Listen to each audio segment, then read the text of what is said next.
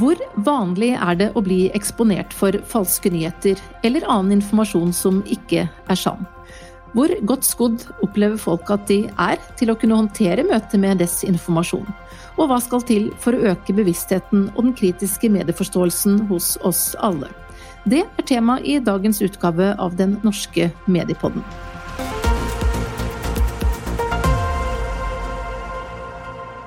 Vi i Medietilsynet har gjort en ny undersøkelse om nordmenns kritiske medieforståelse. Altså hvor god kompetanse folk har når det gjelder å navigere i et stadig mer krevende medielandskap. Blant det vi spurte om er desinformasjon og falske nyheter. Og nesten sju av ti svarer at de har sett informasjon på nettet som de er i tvil om er sann. Og Tor Slåtta, du er professor i medievitenskap. Hvordan tolker du det tallet? Man er i tvil ganske ofte, men, men det sier noe om den medievirkeligheten vi nå har. Hvor, eh, hvor, det er rett og slett ikke så trygt lenger å ferdes. og Man vet ikke så godt hvem som står bak den informasjonen som når en. Og det er vanskelig å vite hva som er sant og usant. Mens fire av ti svarer ja på at de har sett falske nyheter generelt, er det enda flere, nemlig halvparten, som sier at de har sett usanne eller falske nyheter om koronapandemien på nett det siste året. Hva er eh, ditt inntrykk eh, når det gjelder dette med falske nyheter i forbindelse med korona? Hvilket eh, omfang har dette hatt? Ja, Den er jo veldig spesiell, hele koronasituasjonen, i forhold til dette med desinformasjon. Altså, den, det, her er det eh, diskurser eller samtaler som har gått over lang tid om eh, vaksineskepsis. I tillegg til dette kommer si, en form for anti-autoritær holdning eller opposisjon mot at man lokkes ned og stenges ned og, og pålegges mange ting. Så du har en politisk skepsis, du har en motstand, du har en vaksineskepsis. Alt blander seg veldig sammen her. I undersøkelsen fikk respondentene også en konkret oppgave. Det var en sak som var publisert som de da skulle vurdere om var en ekte eller en falsk nyhet. Åtte av ti avslørte den saken som falsk, og hva sier det tallet oss?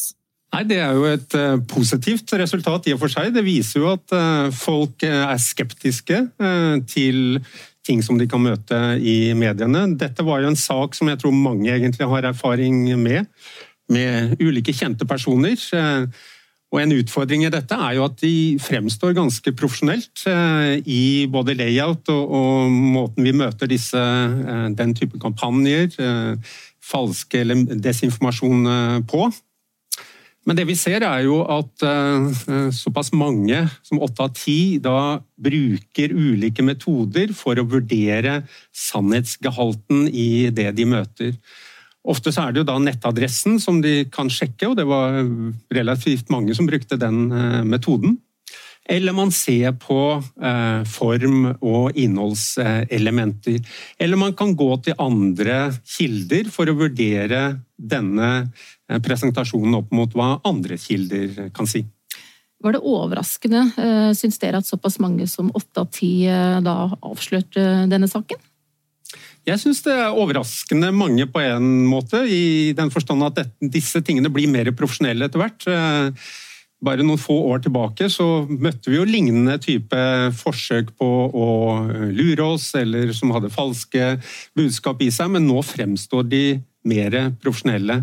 Eh, samtidig så er det jo bra, eh, i den forstand at folk er skeptiske, selv om det også er aldersforskjeller i måten å håndtere disse tingene på. og følelsen av å være utsatt for den type kampanjer eller desinformasjon. Men er eh, vi blitt mer oppmerksomme etter hvert som eh, det er mer snakk om falske nyheter, og man har sett flere slike eksempler, sånn som dere opplever situasjonen? Jeg tenker at det er, eh, det er en sammenheng også mellom det at Norge er et land med en befolkning som er veldig aktive i, eh, i, digitale medier og har generelt høy kompetanse eh, på teknologi og mediebruk. Så, og, så noe av, noe av um, paradoks, om du vil, i dette er at de som bruker disse sosiale medier, Facebook, mye, er mye eksponert, men har også kompetanse. Så, så, det er en balanse der. De som jo viser seg å være mest utsatt, kan være de eldste, som har litt mindre erfaring, og de yngste som har uh, voldsom kompetanse, men mangler kanskje den politiske kompetansen i dette. For Vi så jo her litt uh, ulike um, argumenter for hvordan man hadde oppdaget at denne saken ikke var sann. Um, 27-åringen uh, var med på teknologien og URL-en, mens 51-åringen gikk på innholdet. Uh, og Var det tilfeldig, tror dere, eller er det en forskjell her når det gjelder alder på akkurat dette? Jo, det er, det er tydelig forskjell i alder. Det er faktisk det undersøkelsen Eh, viser aller tydeligst, er at alder gjennomgående er en, eh, si, en forklaring på hvordan utsatthet, erfaring og kompetanse henger sammen. Ole Erstad, professor i pedagogikk, ca. halvparten av befolkningen eh, mener altså at det er svært eller ganske enkelt å håndtere situasjonen hvis det kommer over da, informasjonen de mistenker at ikke er sann. Nå er jo det en egenvurdering, men hvordan tolker du de tallene? Ja, nei, De er jo positive i den forstand at uh, halvparten har, mener selv at de har kompetanse. og det vi har spurt etter, er jo hvilke metoder de da bruker med å sjekke nettadresser, andre typer kilder osv. Men dette aldersmessige forholdet mellom unge og eldre er jo interessant, fordi de er i en ulik fase av som mediebrukere. Eh, de unge er på nett eh, hele tiden fra de står opp om morgenen til de går til sengs om eh, kvelden. Og eksponeres mer for medietilbud, og selv opplever seg mer utsatt for desinformasjon, falske nyheter. Eh, men som da kanskje er mer opptatt av de tekniske sidene ved å navigere i disse medielandskapene. Mens den eldre generasjonen har en erfaring med tillit til redaktørstyrte medier eh, og forholder seg til innholdet i disse tingene på en annen måte. Selv om også stadig eldre eh, deler av befolkningen også er på nett og bruker sosiale medier. og er skeptiske i den forstand, men da mer basert på sine egne medieerfaringer.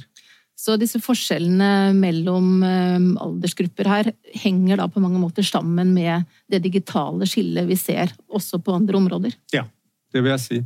Samtidig så skal vi eh, diskutere og vurdere litt hva denne kompetansen kan sies å bestå i. Eh, kritisk medieforståelse blir enda viktigere i dette landskapet som vi nå snakker om. Eh, men folk har en tendens til å overvurdere sin kompetanse også, og vi trenger mer studier på å vurdere hva slags kompetanse er dette snakk om. Vi har andre studier, som PISA-studien, som studerer norske 15-åringer sammenlignet med andre land. og Der scorer norske 15-åringer lavere enn de fleste andre land på kritisk forståelse og kildekritikk, men også medieforståelse, som de måler der. Og har reist det som en tematikk at kanskje 15-åringer i Norge trenger mer opplæring omkring kritisk medieforståelse. For de er gjerne gode på teknologien eh, og vet eh, hvordan de finner tak i det de vil ha informasjon, f.eks. Men det å vurdere eh, sannhetsgehalten, f.eks., det kan mm. være mer krevende. Ja, absolutt.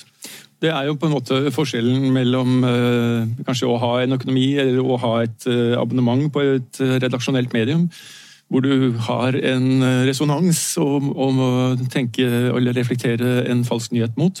Mens de unge lever jo i et uh, sosialt nu, omtrent, som ikke har disse samme sjekkmulighetene og, eh, og klangresonansmediene til å få sjekket den kunnskapen de skal ha. Nå har vi snakket om de unge og de eldre, som eh, litt hver på sin eh, måte er eh, noen grupper som da kanskje er særlig utsatt. Er det andre grupper dere mener det er grunn til å være bekymret for?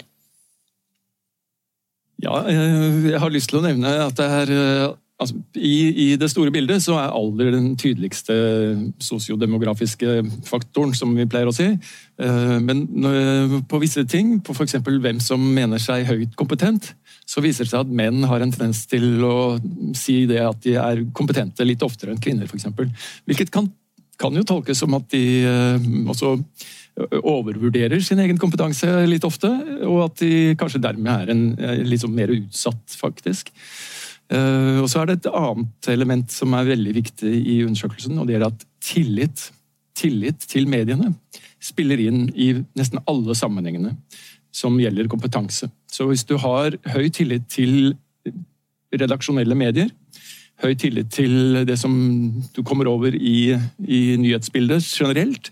Så er du også i større grad kompetent til å avsløre det falske. Og det mm, har vi jo mye av i Norge. Det vet vi jo fra andre undersøkelser at eh, de redaktørstyrte mediene de har jevnt over eh, tillit. Ja.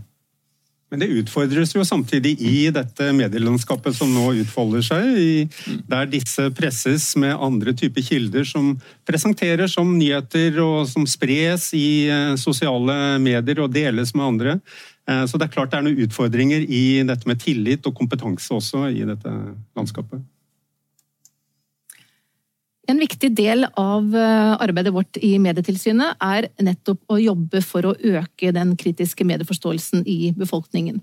Og noe av det vi gjør, ofte sammen med andre, som f.eks. faktisk.no og Utdanningsdirektoratet, er å utvikle opplæringsressurser rettet mot ulike aldersgrupper. F.eks. har vi laget undervisningsopplegg om falske nyheter rettet mot ungdomsskolen, og vi er i gang med å lage et eget opplegg der de eldste er målgruppe.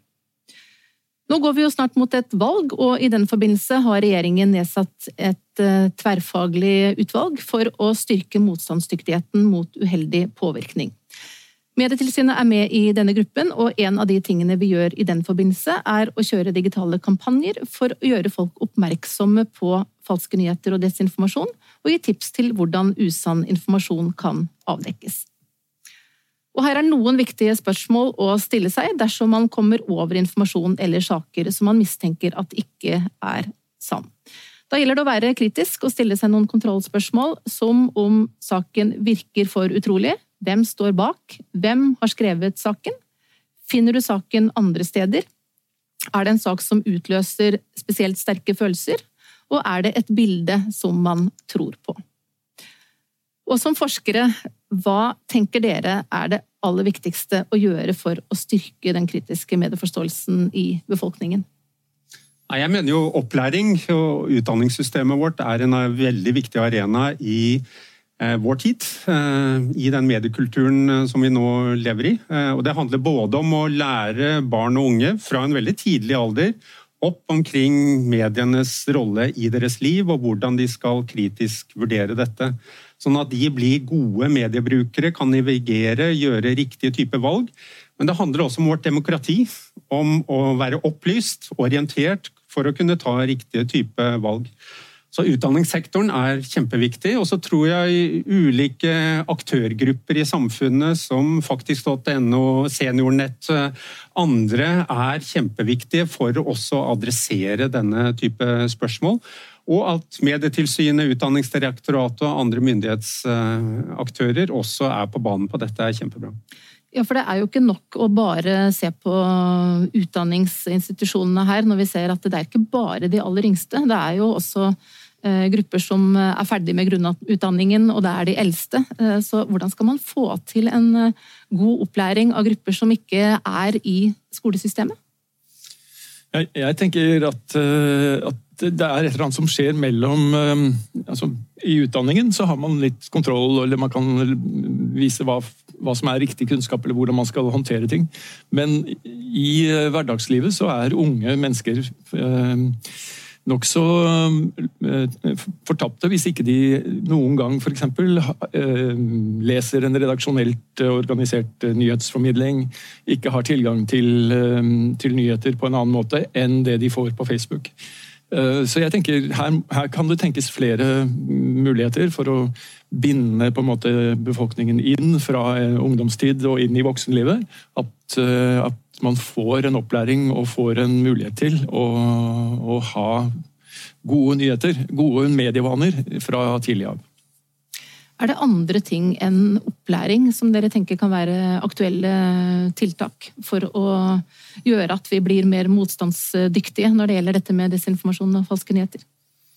Jeg tror det offentlige ordskiftet om disse tingene er viktig å holde ved like, sånn at vi har en offentlighet som greier å diskutere og problematisere disse tingene, sånn at det også adresseres som en problematikk, og et tema i tiden. sånn at befolkningen som helhet, som da er på ulike medieplattformer, får informasjon og kan debattere disse tingene. Og ikke disse ekkorommene der man går inn og har de samme meningene som sine meningsfeller, men kan delta i et offentlig rom omkring disse tingene.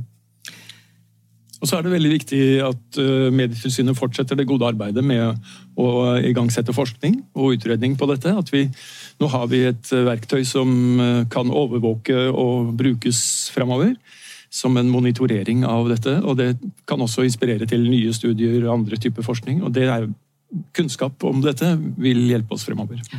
Vi er også i gang med å sammen med våre nordiske kolleger se på hvordan vi kan utvikle en eh, indeks for kritisk medieforståelse som også gjør at vi kan eh, sammenligne situasjonen i de ulike nordiske landene. og Det tenker jeg også kan bli noe veldig spennende.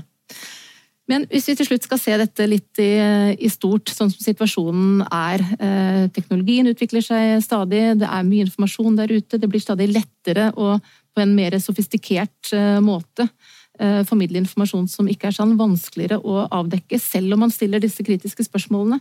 Eh, hvordan ser dere på denne situasjonen, og i hvilken grad eh, dette med desinformasjon er en trussel eh, opp mot både ytringsfrihet og den store offentlige debatten?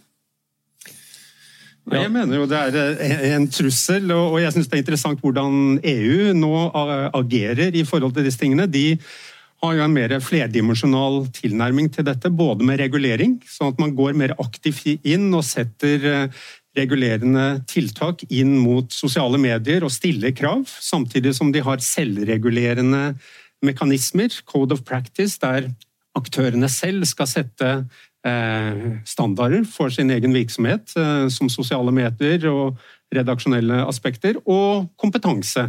Eh, så man jobber i alle innenfor de områdene. Jeg tror det overnasjonale, altså det at EU er engasjert i dette, er veldig, veldig godt, godt for Norge og veldig viktig å følge med på. Eh, fordi at Problemet her er jo at selv om man regulerer en nasjonal medieoffentlighet, så går alle med verden i lomma. Og, og, er eksponert for veldig mange typer kilder som man ikke kan kontrollere gjennom de vanlige politiske virkemidlene man har. Så um, mer overvåkenhet og mer uh, bevissthet rundt dette er også nøkkelen til dette. Det er klart man skal være litt forsiktig med, med, informasjonsbegrepet generelt. Den enes desinformasjon er den andres informasjon. Så dette er jo alltid politisk problematisk, og ytringsfriheten skal være der. Så uh, man står litt uh, tilbake med, med, dette med opplæring og til dels regulering da, av noen ting som man kan gå inn i. Det tror jeg på. At vi kommer nærmere en regulering av redaksjonelt innhold i de store sosiale mediene. Og at kanskje det blir lisensiering av metadatabruk, en del kontroll på hvem som har tilgang til informasjonen om oss. For den er også en del av dette. Hvem som kan målrette den informasjonen de har om oss, til å gi oss den informasjonen vi kan falle for. Det er jo risikoen i dette. Tusen takk til Ole Erstad og Tore Slåtta. Og da har vi fått uh, nye gjester uh, i studio, og først til deg, Kristoffer Egeberg i faktisk.no. Nå har vi hørt her at undersøkelsen vår viser at fire av ti har vært eksponert for falske nyheter, men så mange som sju av ti har sett informasjon som de har en mistanke om at ikke stemmer. Og hvordan stemmer det med det bildet som dere har? Jeg tenker jo at det stemmer nok veldig godt. Og så skulle jeg nok, vil jeg nok tro at flere har blitt eksponert for det, og det er jo det som er det Utfordringen med dette med falske nyheter er at eh, de som ikke oppdager det, er jo gjerne de som da faller for det. Så man skulle jo gjerne ønske på en, en side at ti av ti hadde oppdaget det. For da hadde vi i hvert fall vært helt sikre på at eh, man var bevisst. Og så er det veldig fint å se at eh, skepsisen er til stede, at folk er kritiske til det de får i, i, i sin nyhetsstrøm, da, og setter spørsmålstegn ved det de ser, om det stemmer eller ikke. Det er jo første bud. Men når så mange som sju av ti da har sett noe som de er usikre på at det stemmer På den ene siden, som du sier, det er positivt, man har en viss skepsis. Samtidig så sier jo det også noe om at vi stoler ikke lenger på den informasjonen som vi får. Ja, og det er jo en utfordring både for uh, oss som skal drive med fakta- og informasjonsformidling, med hva skal du si, redaktørstyrte medier som, som uh, må kanskje i større grad jobbe for å vise forskjellen på kvalitet og alt det andre som, som er der. Eh, og ikke minst de store plattformene i forhold til hvordan disse algoritmene og andre systemer kan gjøre folk tryggere på at det de får inn av informasjon, er noe de enten kan stole på, eller tydeliggjøre hva de ikke kan stole på. Nå er det jo sånn, eh, viser undersøkelsen, at eh, sosiale medier er det stedet der flest har oppdaget falske nyheter og desinformasjon. Og spesielt når vi ser på falske nyheter om korona, så er det Facebook som eh, blir løftet fram som den vanligste kilden. Og Marianne Nerhold, du er politisk sjef i Facebook Norge, og hva tenker du om at det er Facebook som er verstingen her? Nei, altså det er klart, Vi ønsker jo ikke falske nyheter og misinformasjon på våre plattformer, og vi gjør mye også for å bekjempe det. Eh, men det er også viktig å understreke hvor kilden, eller kjernen i vår strategi er ikke å fjerne eller sensurere alt innhold som kan være falskt eller usant. Det er en utrolig vanskelig oppgave. Eh, men vi vil lede folk til pålitelig og sikker informasjon. Og særlig under koronasituasjonen så eh, leder vi folk til et informasjonssenter om koronaviruset med kvalitetssikret informasjon fra helsemyndighetene. Vi nedrangerer eh, nyheter som er blitt faktasjekket, dramatisk, sånn at ikke det spres. Og vi tilbyr også eh, informasjon om kvalitetssikrede kilder og ja, informasjon fra helsemyndighetene, rett og slett. Sånn at folk faktisk kan ta stilling til da, hva de vil se, hva de vil dele, hva de vil tro på. Og vi tror at det er en mye mer konstruktiv strategi enn å bare sensurere og fjerne innhold. Og det får vi også støtte fra mange internasjonale forskere som mener at både regjeringer og plattformer eh, bør eh, opprettholde ytringsfrihet. Men, eh, men, det er klart at å tilby riktig og korrekt informasjon er utrolig viktig, da. Kristoffer, hva tenker du om den strategien Facebook har valgt her? Altså, hovedutfordringen her er jo nettopp uh, uh, hvis vi skal overlate til, uh, til folk flest da, å ta de valgene, så må de også uh, være bedre forberedt. Også, vi må alle sammen bidra til å bygge opp den kritiske sansen. Uh, det å være kildebevisst, det å ha en, en kritisk forhold til, til, all mediebruk. Og Det er jo der utfordringen ligger, og som denne undersøkelsen viser, spesielt blant de eldre. Eh, som ikke har den digitale kompetansen som skal til for å kunne navigere trygt. Eh, eller også navigere på den måten, da, eh, og skille mellom, mellom kvalitet og, og tullball. Eh, og så er det unge mm. som selv påpeker at de føler at de ikke har den kompetansen som skal til. Og Det er en kjempeutfordring for alle, både myndighetene, mediene, eh, de store plattformene spesielt, som, som, som er et stort ansvar. Da. Og jeg tenker at Der må man bare jobbe enda tettere sammen for å se hvordan vi rett og slett kan vaksinere befolkningen mot falske nyheter. For jeg er også enig i at det er vanskelig å forby det. For hvem skal bestemme hva som er en lovlig Kommer fort inn i helt andre problemstillinger Nettopp, som vi ikke Sensur ønsker. og den type ting. og det, Vi kjenner jo mange myndigheter rundt omkring i verden som gjerne ville hatt den muligheten til å ha, bestemme hva som skal ut. Sånn kan vi ikke ha det. og Alternativet da er jo å bygge opp folk sin egen kompetanse til å vurdere hva som er ekte og hva som ikke er det. Gi oss litt, et lite innblikk Kristoffer, i hvordan det ser ut eh, fra deres ståsted akkurat nå. Hva slags type falske nyheter er det dere først og fremst eh, ser, og hvilke kilder er det som eh, først og fremst sprer dette akkurat nå? Mm.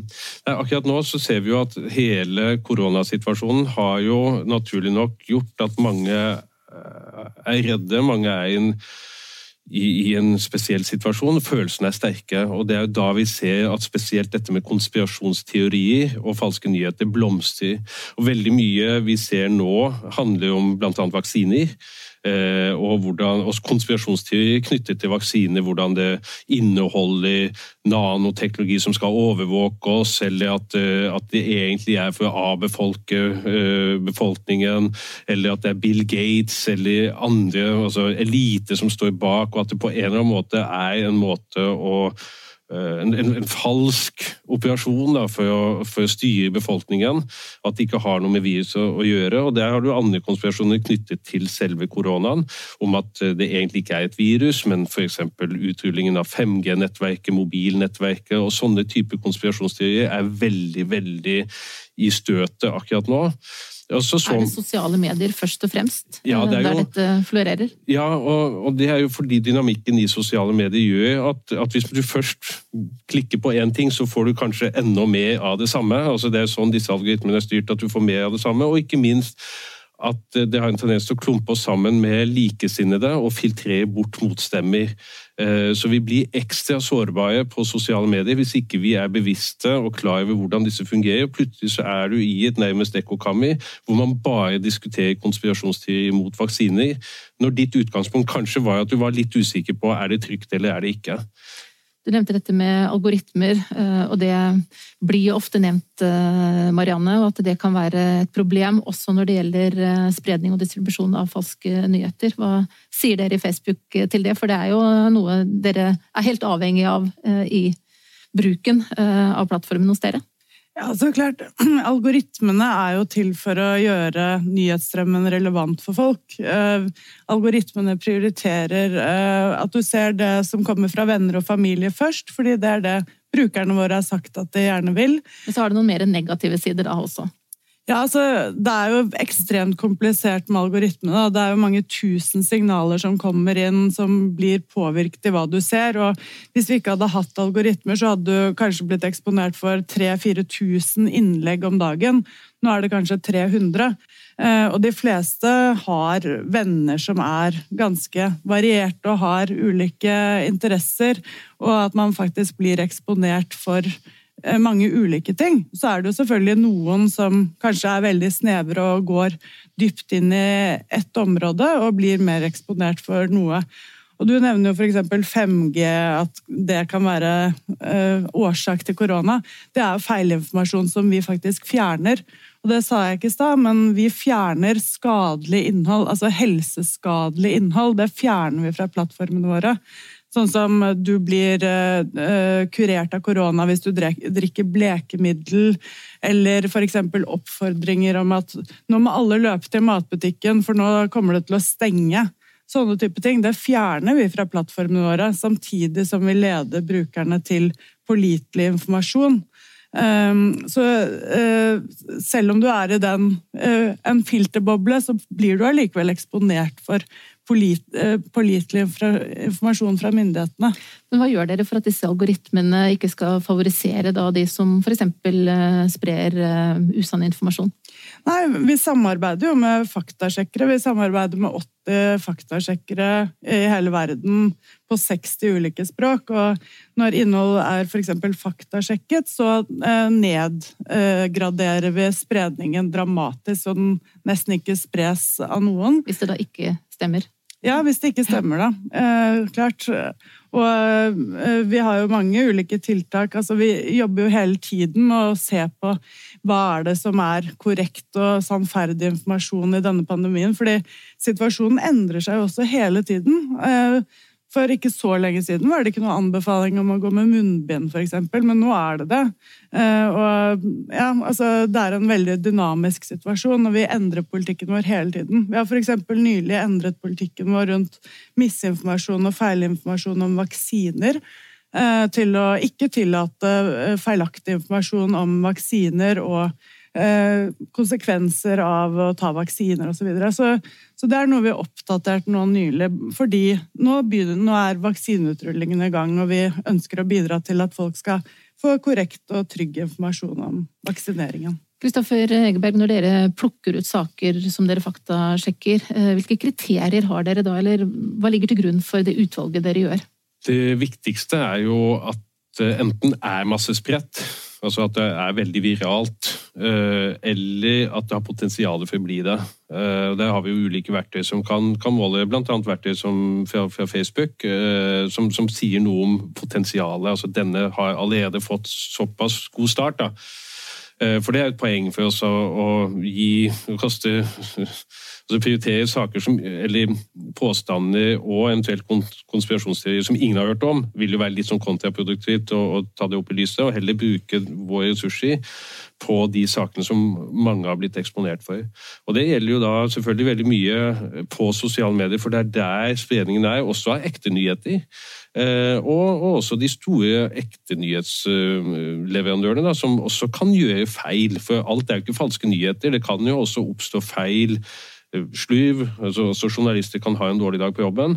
og Da syns vi også det er viktig å så tidlig som mulig kunne korrigere det. Eh, men En ting er jo mm. at man by accident gjør en feil, men ja. i, i, hvor stor grad finner dere da i de redaktørstyrte mediene informasjon som da kan kategoriseres som desinformasjon eller eh, falsk informasjon? Ja, altså uh, veldig liten grad bevisst. Altså det, kan si, det vi finner i redaktørstyrte medier, er jo stort sett uh, feil eller stuv, feil, eller, eller, litt slett arbeid, rett og slett. og det er ikke mye av det i forhold til, til det volumet vi ser av den type konspirasjonsteorispredning da, som kommer fra ulikt hold.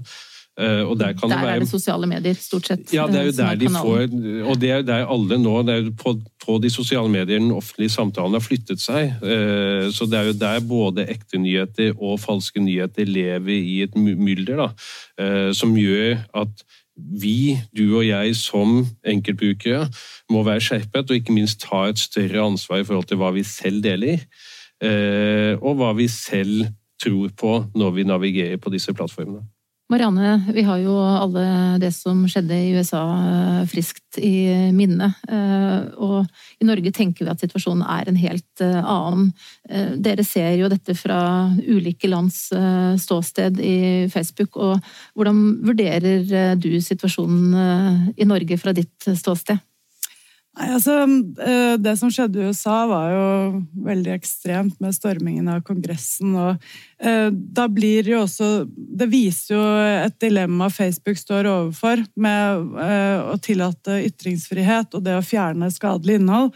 Og vi blir alltid kritisert uansett hva vi gjør, for enten å fjerne for mye eller å tillate for mye ytringsfrihet.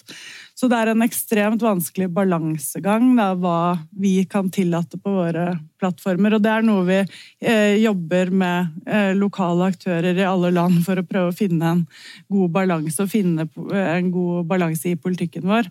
Um, I Norge så ser vi ikke en umiddelbar uh, sjanse til at uh, Stortinget blir stormet kanskje med det første, men uh, selvfølgelig altså, Vi er jo i beredskap. Vi snakker med alle aktørene i Norge for å, for å ha et så godt bilde som mulig for å imøtekomme de truslene og risikoene som er. Og ikke minst også lære opp i sikkerhet, personvern, sånne type ting som også er viktig. At man ikke blir hacket eller utsatt for um, ja, falske nyheter og misinformasjon osv. Fordi det å ha sann uh, eller trygg informasjon tilgjengelig mener vi er det viktigste. Da. Så, så selvfølgelig så fjerner vi innhold som hatefulle ytringer eller annet innhold som bryter med retningslinjene våre.